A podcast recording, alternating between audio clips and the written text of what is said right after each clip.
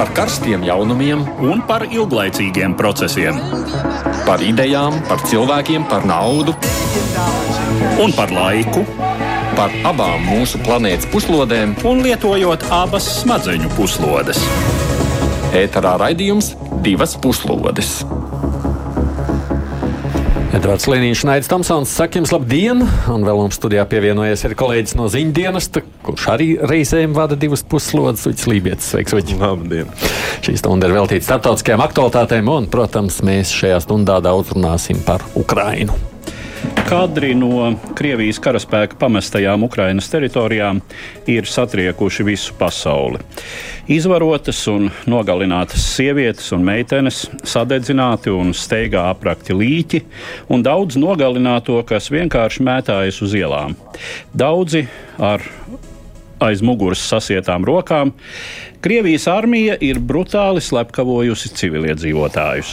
Arvien skaļāk ir tā pārliecība, ka Krievijai par šīm zvērībām nāksies atbildēt starptautiskā tribunālā. Tā ir izteikušies virkne valstu vadītāji, tiek aktīvi strādāts pie pierādījumu vākšanas. Tikmēr Briselē šodien arī apspriež jaunu sankciju ieviešanu. Tas genocīda atklāsmes ir devušas jaunu emocionālu grūdienu rietumiem rīkoties vēl aktīvāk. Visu šo dramatisko notikumu ēnā Eiropā tomēr nepalika nepamanītas parlamenta vēlēšanas Ungārijā, kur savu ietekmi vēl vairāk nostiprinājis premjerministrs Viktors Orbāns un viņa vadītā partija Fidesz. Premjerministrs pēc uzvaras pasludināšanas sacīja, ka viņam vēlēšanās nācies cīnīties starp daudziem citiem arī ar Ukrainas prezidentu Zelenski. Ungāru izvēle daudzos raisījusi lielu vilšanos, un aktuāls ir jautājums, kāda turpmāk būs Ungārijas vieta Eiropā. Šie temati nākamajās minūtēs nu būs mūsu uzmanības lokā. Kā tas ir bieži vien, būs arī mums vēl vairākas saslēgšanās uh, intervijas raidījumā, tāpēc arī nekavējam laiku un runājam par aktuālo. Mēs sākam ar tām dramatiskajām ziņām no Ukrainas un vispirms notikušā īsts apkopojums. Kijavas piepilsētas bučas vārds kopš šīs nedēļas piepildījies tam baisajam sarakstam, kurā ir Babijara un Katiņa, Sarajeva un Serebreņica, kā arī citas tuvākas un tālākas pagātnes masu slepkavošanas un vardarbības vietas. Agresora valsts Krievijas bruņotajiem spēkiem pagājušās nedēļas otrajā pusē atkāpjoties no Ukrainas galvaspilsētas pievārds, atklājās šausminoša kara nozieguma aina kurā neiztrūkstēja neviens iedomājams nodarījums pret cilvēka dzīvību, veselību, cieņu un īpašumu.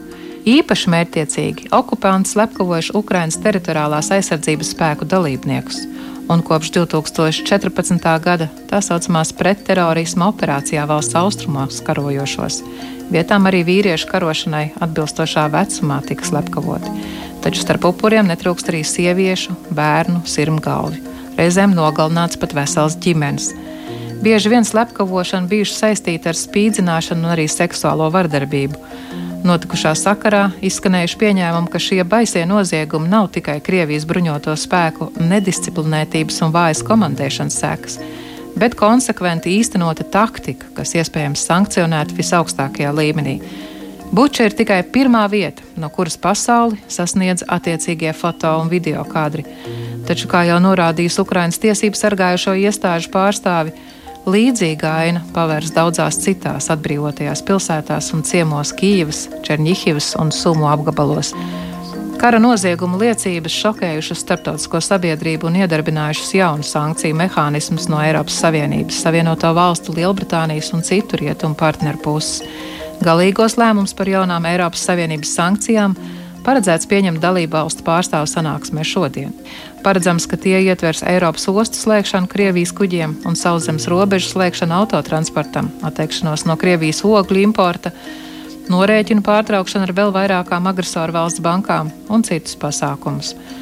Tomēr joprojām teju neskarts paliek galvenais Kremļa kara mašīnas un noziedzīgā režīma finansēšanas avots - naftas un gāzes eksports. Līdz šim atbalstu nav guvuši Polijas un Baltijas valstu priekšlikumi piemērot šim eksportam tarifus, kas to padarītu ekonomiski neizdevīgu, vai atturēt daļu no maksājumām summām līdz Krievijas spēku izvešanai no Ukrainas. Domājams, ka pēdējo dienu notikumi kāpinās arī militārās palīdzības apjomu Ukrainai. Krievija uz atklātajiem noziegumu faktiem reaģējas ar ierastajām atrunām, ka tas viss esot safabricēts, inscenēts un viltots. Šajā kontekstā Krievija amatpersonu izteikumi iegūst grotesku nokrāsu, un tos nekavējoties atmaskoja faktu pārbaudītāji daudziet pasaulē. Pie darba jau ķērušās Ukrainas un starptautiskās izmeklēšanas institūcijas. Skan prasījums pēc vainīgo saukšanas pie atbildības, kaut šobrīd ir grūti spriest, kad un kādos apstākļos viņi varētu stāties tribunāla priekšā. Attālināt no Vašingtonas mūsu studijai savukārt pieslēdzies ir politologs Andris Kudors. Sveiks, Andi! Sveiki! Šie kadri no Bučas un visām citām vietām bija pārsteigums, Andi? Uh, bija, bija ārkārtīgi sāpīgi. Bija ļoti bēdīgi. Vakar skatījos BBC uh, ziņojumu, raidījumu, kur reportāži, kur rādīja vienu vientuļo māti, kuras dēls nu pat ir nogalināts, un viņa pati viņu bija apglabājusi pagalmā. Nu, tas, tam, tās emocijas ir tādas, ka Es domāju, arī šeit, ASV, cilvēkos šie skati un citi skati ir, ir aizskāruši kaut kādas dziļākas stīgas. Un, un tur ir tur mijas tāda nožēla, bēdas ar, ar, ar vien lielāku pārliecību, ka ir jādara kaut kas vairāk, ka Putina režīms tiešām nedrīkst pastāvēt, ka Džo Baidens nepārteicās, ka teica, ka nu, tāds cilvēks nevar būt pie varas Vai 1941. gadā mēs, mēs runātu par kaut kādu dialogu nepieciešamību ar Adolfu Hitleru? Nu, nē, tās domas ir, toreiz bija tikai kā viņu apstādināt. Un tas pats ir tagad, un es domāju, ka, ka ir, tie notikumi ir lieli. Varbūt mēs tagad tik apjautīsim nākamajās dienās, kā tie pārvērtīsies noteiktās rīcību politikās un noteiktos uh, rietumu valstu lēmumos. Un es ceru arī, ka tie būs tādi daudz izšķirošāki. Jo, nu, ja es arī skatos tos vietējos amerikāņu kanālu uh, reportāžas, kur arī analītiķi spriež par to, kas notiek Ukrajinā. Tur jau varbūt vēl pirms kaut kāda laika brīžiem tur bija studijā, kad vairāk runāja, tur bija kaut kāds hihihaha. Un, un, protams, viņi saprata nopietnību, bet nu, tas tomēr bija kaut kas no tālas distances. Tad tagad pēc, pēc šiem sižetiem tie toņi ir ļoti atšķirīgi. Ja, tur nav vairs nekāda hihihaha, ir, ir, ir reāls bēdas, cilvēki jūt līdzi un, un tiek spriest par nopietnākiem lēmumiem. Es domāju, ka arī ASV sabiedrība ir sapratusi, ka ar līdzinējo nepietiek. Un nav vērts palīdzēt Ukrainai lēnām zaudēt, dodot kaut kādu mērenu palīdzību.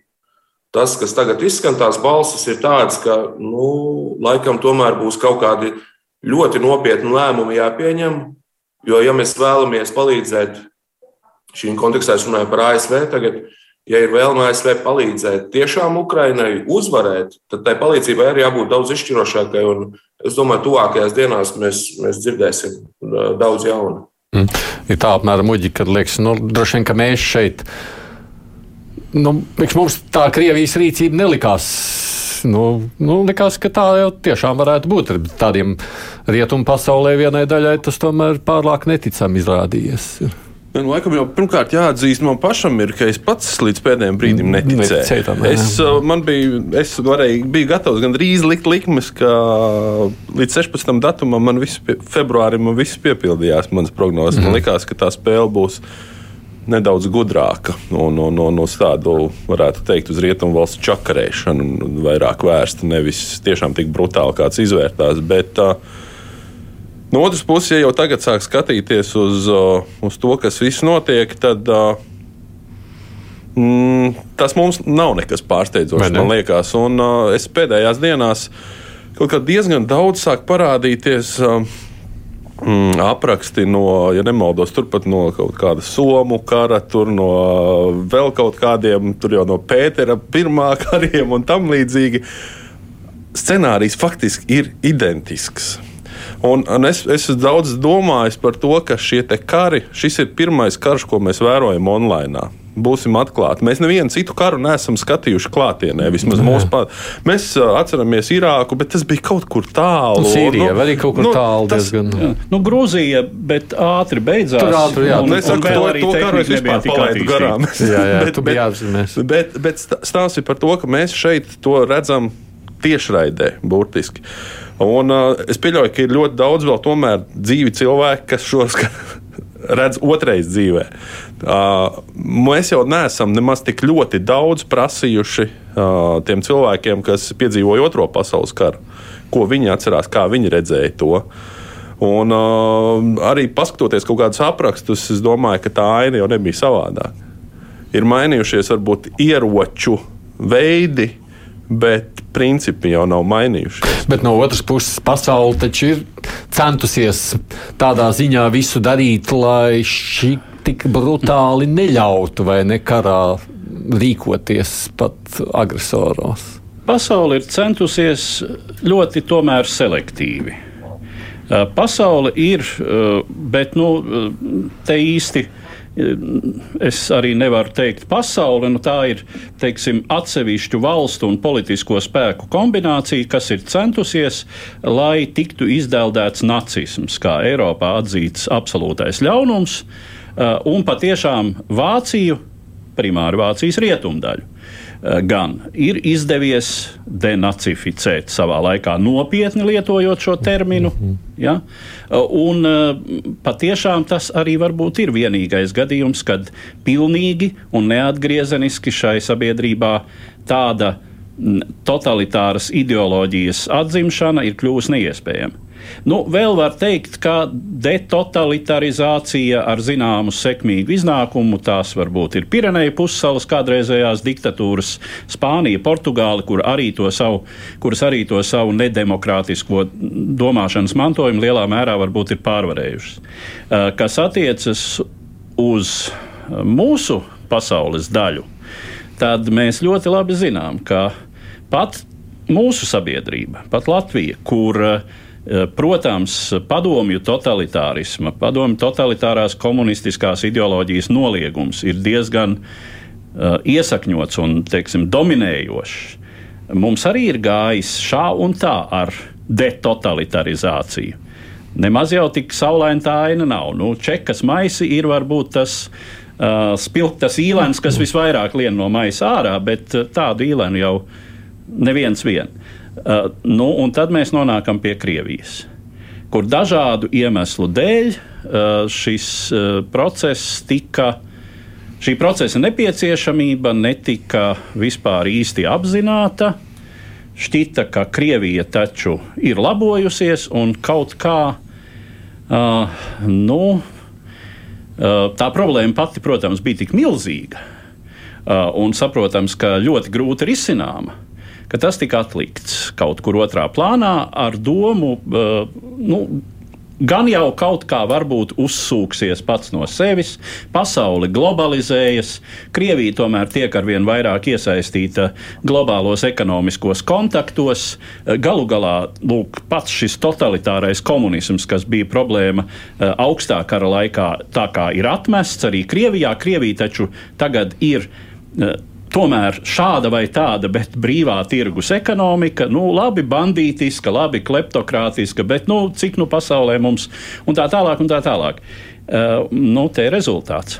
Ja? Uh, tur, tur, protams, uh, es domāju, par to arī tiks ļoti runāts, uh, kāda ir bijusi atsevišķu Rietumē Eiropas valstu loma un ar kādiem motīviem. Nu, te, Te Vācija ir, ir teiksim, tā droši vien jāsaka, bez vainas vainīgais, jo no vienas puses tā ir Vācijas izjūta par to, ka neviens Eiropā nav vairāk vainīgs totalitāros noziegumos kā Vācija pati, un līdz ar to mm. uh, izjūta, ka Krievija tomēr varbūt labāk likt mierā.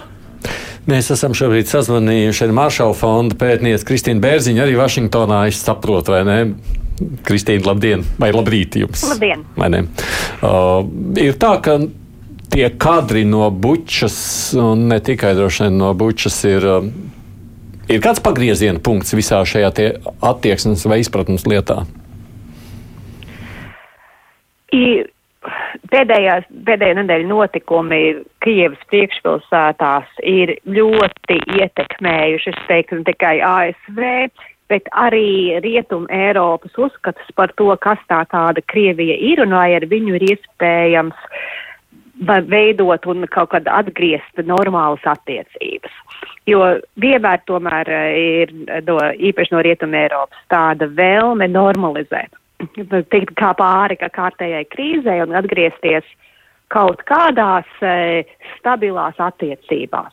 Un kaut kā bučas kadri un uh, citu priekšpilsētu kadri parāda to, ka šis nav vienkārši kārtējais uh, Krievijas perifērijas karš un nav runa te tikai par kaut kādām Krievijas strateģiskām interesēm, Tāpēc, ka ir gan daudzi tie, kuri vienalga, neskatoties uz visu to retoriku no Krievijas, ir uzskatījuši, ka, nu, varbūt Krievija kā bijusī lielvalsts varētu izteikt kaut kādu uh, virzienu vai teikšanu uh, savā tuvajā perifērijā. Nu, varbūt tas nav pavisam, mēs tā kā neatzīstam to, bet varbūt tas nav traki, varbūt jāatzīstinās tomēr Krievija ir kā lielvalsts. Šī domāšana nebija pavisam uh, pazudusi. Eh, no, no lielām galvaspilsētām, gan uh, valdības aprindām, gan domnīcām, bet kaut kā pēdējās dienās ir tāda atklāsme. Krievija, nē, viņa, Krievija un, un gan vadība, gan paskaties, ko, ko armija dara, viņi nav tādi racionāli, kā mēs. Varbūt mēs nevarēsim tagad parakstīt kaut kādu vienošanos un atgriezties pierastajā attiecību formātā, te kaut kas nav kārtībā. Ja, un tādā, tādā dziļā zemapziņā pēkšņi ir atklāsme, ka varbūt ar Krieviju nevar rēķināties un nevar veidot attiecības tā, kā var ar citām valstīm. Un man liekas, tagad to būs jāsagrabo. Jo jautājums ir, protams, kas tagad būs, vai par kara noziegumiem notiks kaut kāda tiesāšanās, vai būs tagad sankcijas un kādā līmenī.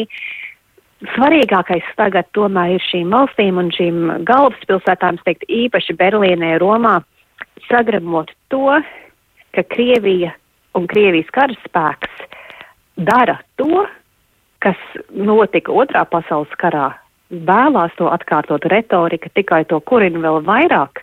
Un tagad būs tiešām jāpiedomā pie stratēģijām, kā novērst šāda veida uzvedību 21. gadsimtā. Neviens, neviens nedomāja, kad atkal nonāks pie šāda veida situācijas Eiropā šodien.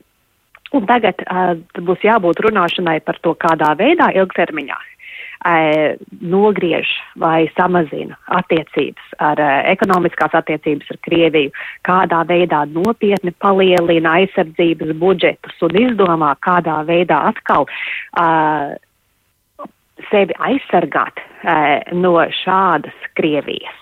Jo gadu desmitiem visi bija domājuši, ka tas bija kaut kas tiešām, kas, ko ir jāatliek un kas notika 40. gados pagājušā gadsimtā un, un, un tagad vairāk nekad neatgriezīsies. Un tāda, tas ir šoks, es teikšu, bet tagad būs jāmēģina to šoku pārvērst kaut kādos arī nopietnos darbos. Mm. Paldies, Kristīna. Kristīna Bērziņa, kas ir Maršala fonda pētniece Vašingtonā, sazvanīta. Uh, Andi, tu arī skatoties savukārt no Vašingtonas uh, uz visiem šiem notikumiem, Ko tu sagaidi, kas tad reāli tiešām notiks tagad? Uh, jo nu, visticamāk jau nebūs tiešām tie bučs uh, skadri vienīgie. Te jau saka, ja būs iespēja redzēt, kas notiek Marijapolē vai vēl citās vietās. Uh, es šodien klausījos Ukrāņus. Viņi saka, tur jau būs viss desmitkārt un simtkārt vairāk vai biežāk. Un? Jā, nu, vēl pie tā iepriekšējā piebilst, gribēju ar vienu piemēru ģenerālim Ļebeģam, tam, kurš komandēja 14. armiju Tie ir tie spēki, kas kontrolēja pārņēstu savu laiku. Viņam uzdeva žurnālisti jautājumu, nu, ko karavīrs domā, tad, kad viņš nogalina. Un kā tas ir no tādas cilvēciskās puses, un Ļebeķis, kas Krievijā bija kļuvis ļoti populārs, viņam pat uh, tur zīmēja tādu nākotni, ka politikā varētu ieņemt kādu lielu amatu. Uh, bet viņš aizgāja no šīs pasaules uh, vēl pirms laika. Ja? Un tad viņš teica, nu kā, izelpa, notēmē izšauju. Viņam tur žurnālisti vēl un vēl kaut ko prasa. Viņš nē, es jums saku, izelpa, notēmē, izšauja. Un šī, šis ir par to, ka ja daudzus gadus tie, tie karavīri tiek gatavoti kā kaut kādas slepkavības mašīnas, es nerunāju tagad vispār pret bruņotajiem spēkiem. Valstīm vajag aizsardzības spēkus, un viņi ir jāmāc jā, karot un lietot ieroči. Par to nav runa. Runa ir par kara propagandu Krievijā, kas daudzus gadus tika kultivēta un karš tika rādīts romantizētā gaismā. Nevis, kā jau te kolēģi pieminēja, nevis tajā otrā pasaules kara īstajā gaismā, bet romantizētā gaismā. Un tad mēs paši redzējām pēdējos gados šos uzrakstus tur na Berlīnā, tātad uz Berlīnu, zaņemkami pēc vācietēm. Šis sevišķi bija bīstams, jo ir runa par izvarošanām, kas notika Otrā pasaules kara laikā. Desovietizācija Krievijā nenotika. Varbūt tur kaut kādā nedaudz 90. gados šis tas notika. Godīgi paskatoties uz vēsturi savējo, bet tādi īstie secinājumi nav izdarīti. Nu, tagad viss šis sarkani ordiskais. Viss tas kodols, kas ir ne tikai padomu laikā, bet gadsimtiem ir bijis kultivēts un pastāvējis, tas tagad ir izlauzies ielās, un mēs redzam rezultātu. Uh, risinājumi, ko spriež arī šeit, ASV, ir nu, vēl viņi varbūt nav formulēti, jo nu pat ir tikai šis pirmā emocionālā uztvere. Bet tomēr tā dod bāzi, un jau kas tiek runāts, ir tiek runāts tomēr par lidmašīnu piegādi, un, un par vēl ar vienu jaunu ieroču un ieroču sistēmu piegādēm. Vēl viena tēma, protams, būs šis, vēl par ko tiek runāts, ir, ko darīt vēl ekonomiskajā blokā, ko tur vēl varētu darīt sankcijās, jo ne visas bankas tiešām ir, ir SWIFT sistēmā pārtraukušas darbību Krievijas. Un tomēr par, enerģiet, par energoresursu pārdošanu Krievija kaut ko vēl saņem. Es domāju, ka šie būs tie abi divi lauki. Gan militārais, gan ekonomiskais turpināsies. Politiskā nozīmē Putins nav, nevarēs vairs nekad atgriezties pie normalitātes. Tas pat izskan no Vācijas, un ja vācieši tā runā, tie, kas ir tie pēdējie, dažādu iemeslu dēļ jau studijā minēto arī, tā skaitā, ja tie ir gatavi stingrākiem soļiem, nu, tad es domāju, visās politiskajā, ekonomiskajā, militārajā mēs redzēsim nākamos soļus. Kā tu domā, Uģi, kas jeb kāds tam varētu būt rezultāts vai seks vai pagrieziens? Nu, militārā jomā man liekas, ka ir pagājis tikai mēnesis. Tas, ne, tas ir pirmais mēnesis, bet uh, tie būs daudzi, daudzi mēneši manā uzturē. Uh, jo, nu, atklāti sakot, Tā šodien Ukrāņi teica, ka nu, viņu jau lielā uzvara būtu padzīt, padzīt Krievijas atpakaļ līdz 24. februāra robežā. Tas jau izklausās smagi. Un, un, un, bet, ja mēs runājam par, par sankcijām, nu, būtu, būtu ļoti. Ne, ne tas slikti, bet vienkārši nolaidīgi, ja sankciju nebūtu un izlēmīgu sankciju. Jo, nu, atvainojiet, piedodiet, mums ir bijuši mēneši, lai domātu par turpmākajiem soļiem. Um, mēs salīdzinoši ātri pieņēmām lēmumus pēc iebrukuma sākuma, uh, pēc tam pastiprināja, tad, kad kaut kas turpinājās. Nu, tad vēl nav izdomāts par šo laiku. Tad vēl neesam vienojušies. Tad vēl varam ļaut, būs tās rokas vaļā. Ja? Un, ja piepildās tās prognozes, ko tagad nu, saka par, par virzīšanos tālāk par Donbass teritoriju plašāku, tad uh, tur mēs arī neko neesam domājuši par to. Uh, cik tālu mēs uh, nu, analizējam, cik mēs koordinējam savas uh, lietas, kur mēs esam uz kompromisiem gatavi iet, kur neesam. Uh, šodien bija, kur es lasīju, kāpēc ogles teiksim, tagad tiek runāts? Ogles ir tajā eksporta, importa tajā tabulā, ir kādā piektā vieta. Tad mums ir jau secīgs saraksts ar to, kad, tad, kam ir jānotiek, lai būtu nākošais, kad ir nākošais. Es saprotu, Baltijas valsts ir vienas no tām, kas saka, tagad tūlīt visu uzreiz. Bet atvainojiet, būs. Es, pot, es, es, es prognozēju, ka būs notikuma attīstība ne tajā kā labākajā situācijā, un mums vajag tos tomēr pieturēt uz vēlāku laiku. Tāpēc, ka mēs esam vistuvāk Krievijai, mēs esam sazvanījuši šobrīd arī Eiropas parlamenta deputātu Nilu Ušakovu, Ušakovu kungs Halu. Labdien! Labdien. Jūsuprāt, kādai ir jābūt tai rietuma reakcijai uz visām tām attēliem no Bučas un ne tikai ziņām no Ukrainas, kas tagad parādās pēdējās dienās?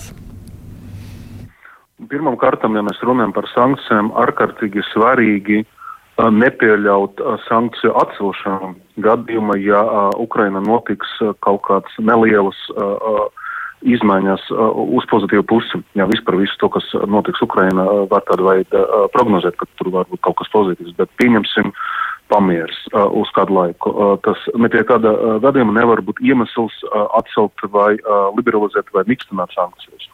Tas ir viens. Un tas dotie brīdi, manuprāt, no politiskā skatoties uz to, kas notiek Eiropā, ir viens no riskiem uh, lai uh, visas sankcijas, kas patreiz ir ievestas, lai neviens nevar uzskatīt, ka tas ir uz kādu neilgu laiku un uh, paies tur daži mēneši un uh, Eiropa samierināsies un būs atkal gatava uh, pieļaut to, kas ir noticis uh, Būče vai citas uh, pilsētas Ukraina par gāzi un par atlaidam gāzi.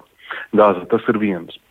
Otrais mums vienlaicīgi ir jāsaprot, nu, ka tas karš, kas notiek, tā karsta fāze, kas ir Ukraina augstais variants, ekonomi, ekonomiskais karš, kas notiek visa pār Eiropa, mums vienlaicīgi ir jādomā par to, kas notiek pie mums Latvijā, Eiropā, kas notiek ar mūsu spēkiem, jo šis karš viņš ilgs kādu laiku, tas nav uz dažiem mēnešiem tas iespējams ilgs gadus. Un šeit ir jāsaprot, ka mums ir zinām riski, ja nepareiza rīcība ar sankcijām var novainot mūsu pašu sabiedrības. Un šeit galvenais risks ir pie, pieņemsim ziemam ar apkures cenām trīs vai četras augstāk nekā uh, ir bijis. Pie nosacījuma, kā tā apkure vispār ir. Uh, un uh, sociālā neapmierinātība uh, pavasarī uh, starp uh, latviešiem, uh, spāņiem, uh, krieviski runājušiem latviešu iedzīvotājiem, uh, latviešiem un, un tā tālāk pēc saraksta. Un mēs ļoti labi saprotam, ka tāda veida sociāls nemierus, ja nedod dievs tie uh, pēc, piemēram, dzeltena bestu parauga Francija uh, sacelsies Eiropa, izmantot kara. Uh, līdz ar to tas arī ir jāpaturprāta, bet uh, skaidrs, ka brīdī sankcijas tas moments, izņemot uh, sūtīt uh, savus karavīrus uz Ukrainu. Uh, un tas ir jāpaplašina, cik tas ir iespējams. Un vienlaicīgi mums arī ir jāsaprot, ka nu, to fāzi, kas dotajā brīdī notiek Ukrainā, tuvāku daudzu mēnešu laika, šīs sankcijas uh, tieši veida neietekmēs, jo atbildot uz jautājumu, vai ir kaut kādi paņēmieni, kā var nekavējoties apturēt uh, Krievijas uh, kāru pret Ukrainu, tādu instrumentu nav visu, ko mēs darām, kā Eiropa, visu, ko dara ASV, sabiedrotie, tas prasīs ilgu laiku, diemžēl. Sakiet, nu, kādas ir sajūtas, nu, klausoties tas, kas notiek šobrīd Briseles gaiteņos pēdējās dienās, kad šie kadri no bučas parādījušies? Kādus jūs jūtat to emocionālo virmojumu nu, parlamentā? Nu, es, es pat nerunāšu par to, kas ir koridorus. Es varu par sevi personiski pateikt. Nu, es jūtos absolūti sagrauts nu, tīri kā cilvēks. Redzot to, uh, skatoties uz šīm fotogrāfiem, video materiāliem, sapratot, kas notiek, nu, tas ir nenormāli sapīgi. Noteikti nav tik sapīgi kā cilvēkiem Ukraina, bet uh, tā ir. Un uh, Eiropas parlamentā nu, viedokļi dālas, tāpēc, ka Um, tas ir atkarīgi no geogrāfijas un no kaut kādas pieredzes. Uh, ir uh, cilvēki, kas ir, uh, piemēram, ļoti stingri noskaņoti uh, maksimāli visu ierobežot, uh, dažreiz pat varbūt nedomājot par um, sekam uh, tieši nu, savam valstam. Šas Jā, mums mazliet pazuda telefona sakara Eiropas parlamenta deputāts Nils Ušakovs. Nu, labi, tur es neko nevaru darīt, telefona sakiem runājot. Fakts pats par sevi, tu jau arī tikko uģi teici gadu. Tu domā, tas būs garš posms? Man kaut kur patika un ļoti nepatika vakardien uh, monopolā, ja nemaldos, bija Filipa Rievs, ka tāds komentārs, ka viņš saka, ka viņš ar vien vairāk baidās par to, ka nevis, nu, ka karš varētu būt arī pie mums. Jautājums ir nevis, kad, nevis vai, bet kad. kad? Un, un, un, nu, nu, būsim reāli. Uh, Es domāju, ka Ukrāņiem tagad iekšā ir tāds naids, ka viņi neapstāsies. Un, bet man ļoti patika pirms dažām dienām. Nu, jau tāds diezgan leģendārs, pa leģendu kļuvušais uh, Nikolājovas apgabala administrācijas vadītājs Kim Kungs, kurš uh, teica tādu krievisko frāzi, kas tulkojumā varētu būt, ka Atriebība ir ēdiens, kas ir jāpasniedz augsta. Nu, ka nedrīkst tagad uzreiz mm, ļauties tajās, tām emocijām. Un, uh, um, nu, man liekas, ka tas ir tas, ko. Um, uh, kas diezgan labi raksturo šo situāciju. Man liekas, tās, tā vardarbība un tās nežēlastības, kas ir paveiktas līdz šim, ir uz to uz tās karstās atriebības uh, balstītas. Proti, uh, nu, arī šajos komentāros, ko es esmu pēdējās dienās lasījis, ka, nu, ka Krievijas armija vienmēr, kā viņi zaudējot, tā viņi sāk riept. Uh, tas ir viens no izskaidrojumiem. Uh, Šī situācijā man liekas tas, kas ar ko varētu apbrīnot noteikti Ukrāņu vadību, ir tas, cik viņi tomēr mierīgi un konsekventi dara to darbu, ko viņi dara. Viņi dara, viņi pārliecina um, ārzemniekus. Tas tā kā šī Zelenska virtuālā tūre pārvalstu parlamentiem. Ja, tas, uh, tas tomēr palīdz to, to, to ziņu nogādāt līdz tām ausīm, kas līdz šim ir bijušas vai nu aizsērējušas, vai, vai, vai, vai, vai aizbāztas ar kaut ko. Un, uh, man liekas, tā cilvēkos vairs nav vajadzīgs, vai vajadzīga motivācija aizsargāt savu, savu valsti. Un, uh, un, un, un, un, tur tiešām ir tas, ja, ja, kādreiz, ja, ja pirms kāda brīža bija varbūt nepatika pret to, neizpratne par to, tad tagad jau, man liekas, arī tajā pašā Ukrainā tur vairs nav. Tur ir vienkārši naids un, un, un, un riebums. Ja. Edvard, kam ir jāseko tagad uh, pēc tām atklāsmēm, kas ir nākušas šajās dienās? Pirmkārt, ir jāsako izpratnei, ka uh, Krievijas problēma, acīm redzot, nu, tā ir mana izjūta, ja vien nenotiks kāds uh, politisks brīnums. Bet šajā gadījumā es īsti brīnumam neticu. Tā ir izpratne, ka Krievijas problēma ir nu, mūsu šai telpā esošo mūžam uh, galvenā. Mūsu reģiona un arī pasaules problēma mums ir nelaime, diemžēl būt šī, šīs problēmas, eh, nu, teiksim, eh, vidū. Ļoti tuvu epicentram. Šobrīd ar lielu, ar tiešām zināmu potenciālu, ka mēs varam nonākt arī tieši epicentrā.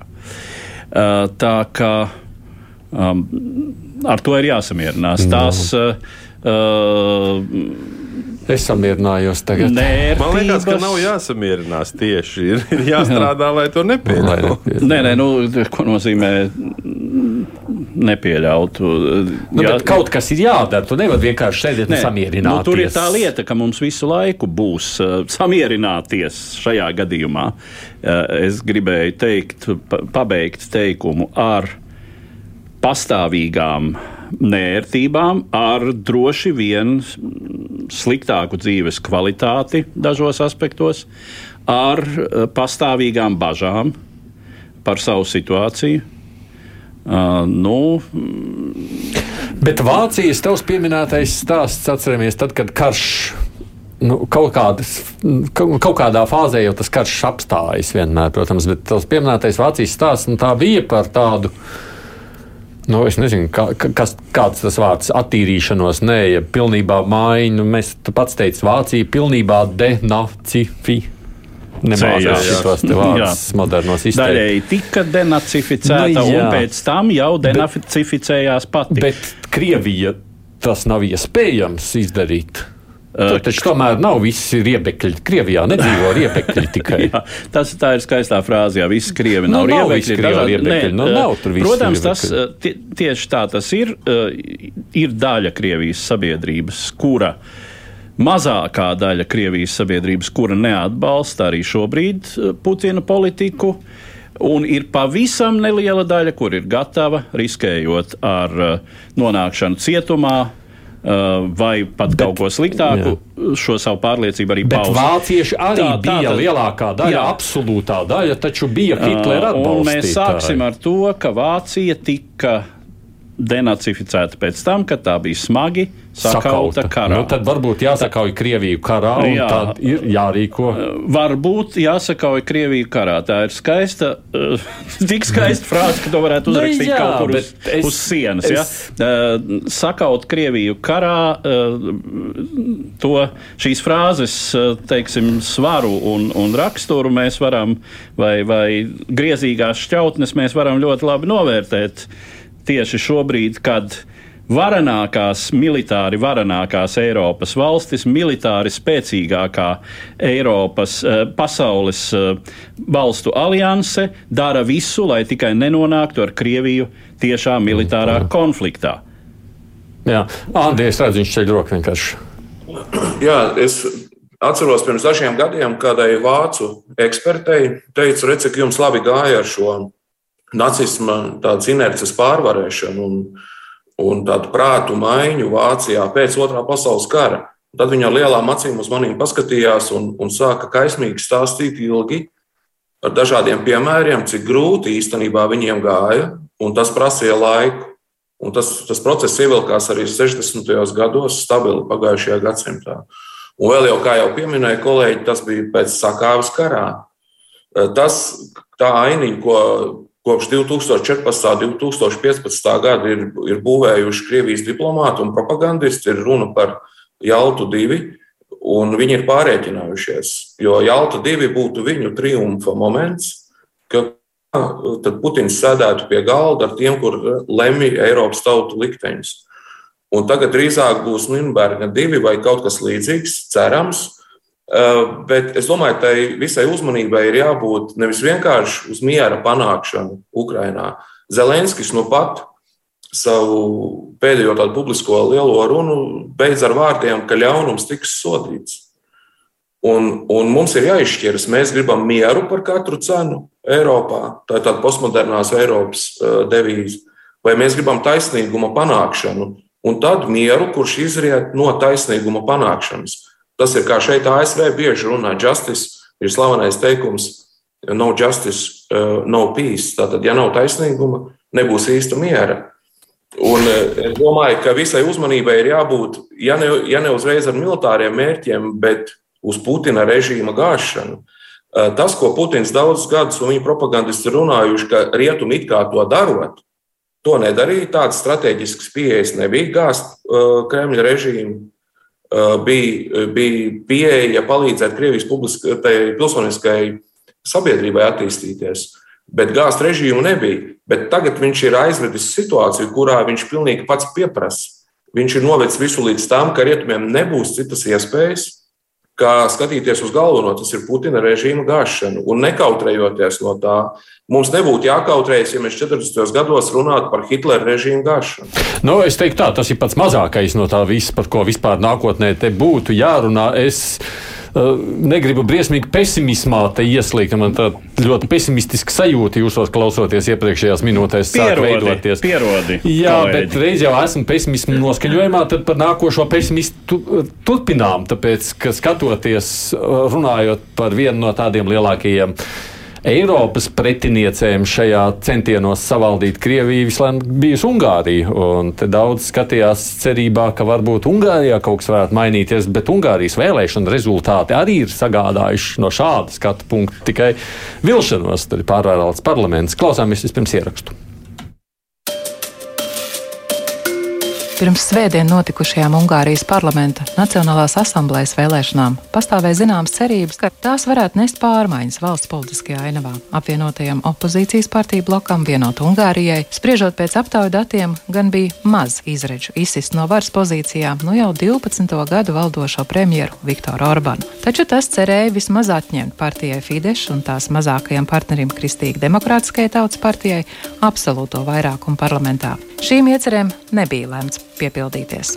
Nacionāla konservatīvā valdoša apvienība pat par pāris vietām palielinājusi savu dominējošo vairākumu, kamēr opozīcijas bloka partija dažas vietas zaudējušas. Apvienībā vienoti Ungārijai iekļāvies te visas opozīcijas partiju spektrs, kurā ir sociālisti, sociāli-liberāļi, zaļie, centriskie, konservatīvie, kā arī pāris kustības, kuras sevi nepozicionē kā partijas, bet pārstāv galvaspilsētas Budapestas un reģionu pašvaldību intereses. Reģiona vadītāja dibinātās kustības Ungārijai ikvienam pārstāvis Pēters Markizais bija opozīcijas premjera kandidāts. Ar dažām vietām parlamentā ietikusi arī galēji labējā kustība - mūsu dzimtene. Kārtējā premjera Orbana graujošā uzvara kaldināta eksploatējot viņa platformas totālo dominanci mediju vidē. Priekšrocības, kuras sniedz pēdējā desmitgadē piekoriģētā vēlēšanu sistēma, un elektorāta labvēlības iegūšana ar dāsnu sociālo politiku un konservatīvo vērtību apliecinājumu.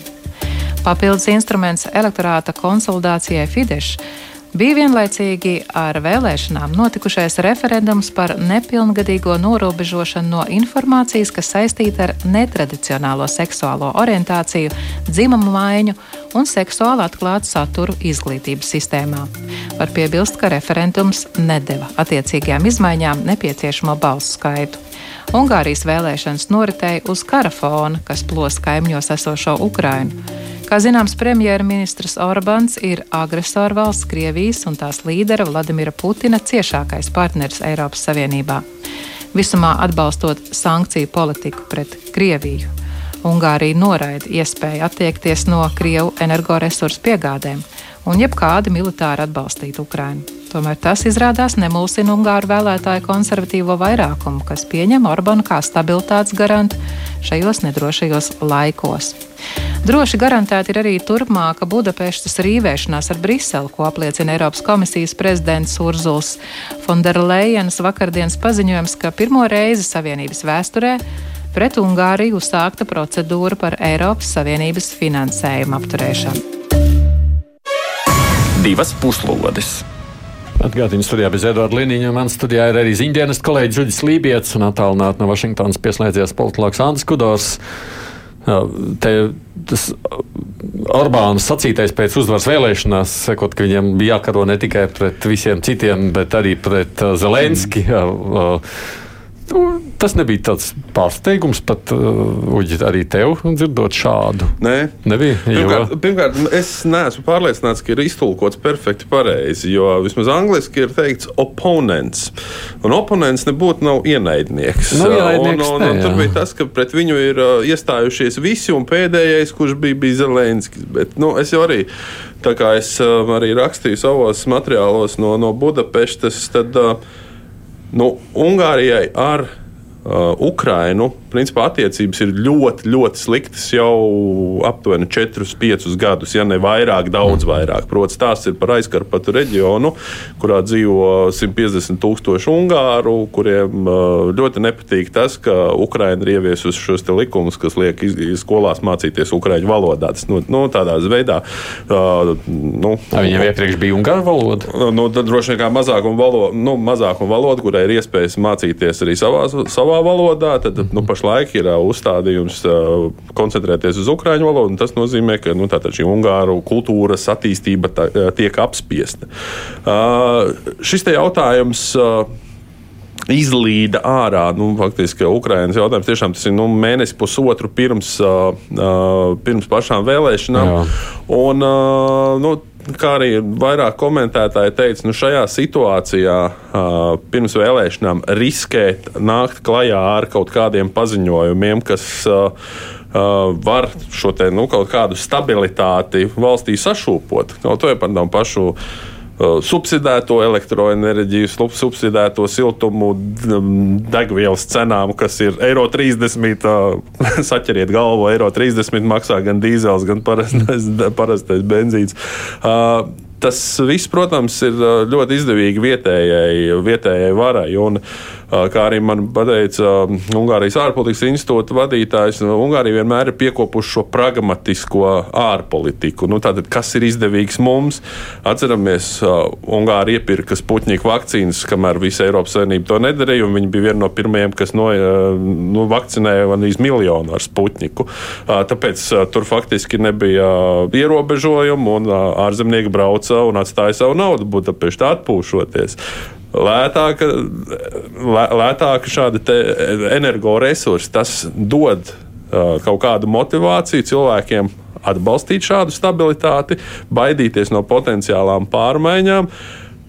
No otras puses, mēs varam arī diezgan labi saprast, ka ar to kaut kādā veidā tiek maskēts vai pieklusināta tā neapmierinātība, kas varētu rasties, jo tā nu, ekonomiskā situācija nemaz nesot tik spoža vispār Ungārijā. Visu eiro 30 benzīnam. Nu, nu, tā ir subsidēta cena. Kas to ne. zina, cik to ilgi var vilkt?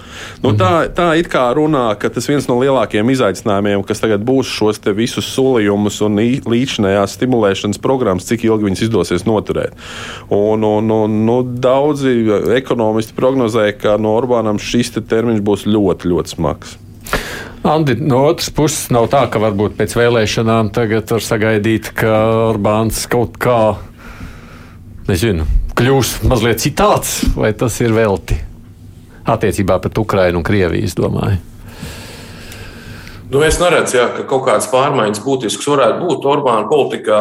Nu, manā acīs Orbāns to vārdu konservatīvais ir sakompromitējis, jo pēc manas izpratnes konservatīvajiem ir jāiestājas par tiesiskumu un taisnīgumu. Ne tikai valsts iekšēnē, bet arī starptautiskajā arēnā. Tā kā Polija to dara. Tā, Un tas ir tāds bumerāns. Tas ir bumerāns. Ja, ja starptautiskā arēnā jūs izlemjat, ka jums neinteresē taisnīgums, un tā tad jūs nenostājaties šī gadījumā pašlaik Ukraiņas pusē, tad tas bumerāns var kaut kad nākt atpakaļ. Nu, varbūt kāds būs vientuļš, un, un pret viņu būs netaisnība, notiks. Varbūt es saku tā hipotētiski, nu, tad nebūs sabiedroto. Un tas ir tāda, manuprāt, Orbāna, tu, tu, Orbāna tur, tuvredzīgums. Mm, Fidesz politiskais spēks bija teiksim, tā, normāls pol, Eiropas politiskais spēks līdz 2010. gadam. Es atceros, ka es komunicēju tur dažu gadu laikā, darbojamies vienā starptautiskā organizācijā, Eiropas Demokrātiskie studenti, un tur arī bija no Ungārijas, no Fidesz Un, nu, tur ļoti sakarīgi vēstījumi bija toreiz. Un tad kaut kas notika. Šķiet, tas bija 2010. gads, kad Orbāns piedalījās vienotās Krievijas kongresā. Šķiet, tā bija Sanktpēterburga. Un tad pamainījās. Tad bija piedāvājumi no Krievijas par lētāku dabasgāzi. Un tad sākās šī Orbāna draudzība ar, ar Vladimiru Putinu un koķetēriju, kas pašlaik ir jau nu, kaut kas radikāli atšķirīgs, jo ir runa par draudzību vai politisku atbalstīšanu, agresoru valsts politisku atbalstīšanu. Nils Ušakovs te runāja šodien arī viņš, cik es pareizi atceros, ar Jānu Urbanoviču arī piedalījās tajā pašā Sanktpēterburgas pasākumā, ja es nekļūdos. Un pēc tam arī nu, tika noslēgts līgums starp saskaņu un vienoto Krieviju. Mēs redzam, ka šī tāda parlamentārā diplomātija no Krievijas puses ir bijusi aktīva un viņi ir ieguvuši sev sabiedrotos. Nils Ušakovs pēc 2014. gada kopā ar Jānu Urbanoviču un citiem saskaņojušiem jau nespēja pateikt, ka Krievija ir agresoru valsts. Karš sākās 2014. gadā, ne jau 22. 22. tas pārvērtās par plašu konvencionālo karu, bet eh, tātad daudzi Eiropas pamatstraumē un daži eh, tādi politiski atbalstoši, Vladimiru Putinu atbalstoši politiku Latvijā veicināja to, pie kā mēs esam visi nonākuši. Mm. Bet tagad Ungārija faktiski tajā. Nu, ne tikai šajā, viņa daudzās jomās jau paliek viena. Kas tur var veidoties tālāk vispār tajās valstu attiecībās starp Ungāriju un pārējo Eiropu šādā veidā? Jā, es domāju, ka es gribu tomēr sak, sak, sak. mazliet Droši. papildināt to, ko Andris teica, uh, un vilkt zināmas paralēles starp Ungāriju un Krieviju, skatoties vēsturē. Ungāri arī ir viena no Eiropas apdalītajām nācijām. Un tas ir absolūti nepieciešami totalitāra režīmu uzbūvēšanai, lai nācijai būtu šī izjūta, ka mēs esam pagātnē daudz cietuši, un tāpēc mēs drīkstam šodien darīt uh, to, ko citi nedrīkst. Tur nav par Austrijas-Ungārijas impēriju. Es runāju, jā, es runāju par, par pirmā, pirmā pasaules kara noslēgumu, kad Ungārija zaudēja vairāk nekā pusi no savām vēsturiskajām teritorijām, kurās dzīvoja citas minoritātes. Bet arī liela daļa Ungāru palika ārpus Ungārijas teritorijas, pirmkārt Rumānijā. Uh, un Ungāri, ko, Ungāri šo pāridarījumu īsti pasaulē, vēsturē nav piedevuši. Mm -hmm. Uz tā uh, Orbāns paskatījies uz to kā uz vecajām traumām un pāridarījumus izjūtu, un arī savas īpašās lomas izjūtu pasaulē. To būvē Krievijas režīms, Putins. Noskatījās, saprata, ka šitas der, ka Ungārijā ir atbilstoša atmosfēra, un to var darīt. Un dara. Mm. Tā tad, nu, protams, tur ir citi elementi klāt arī.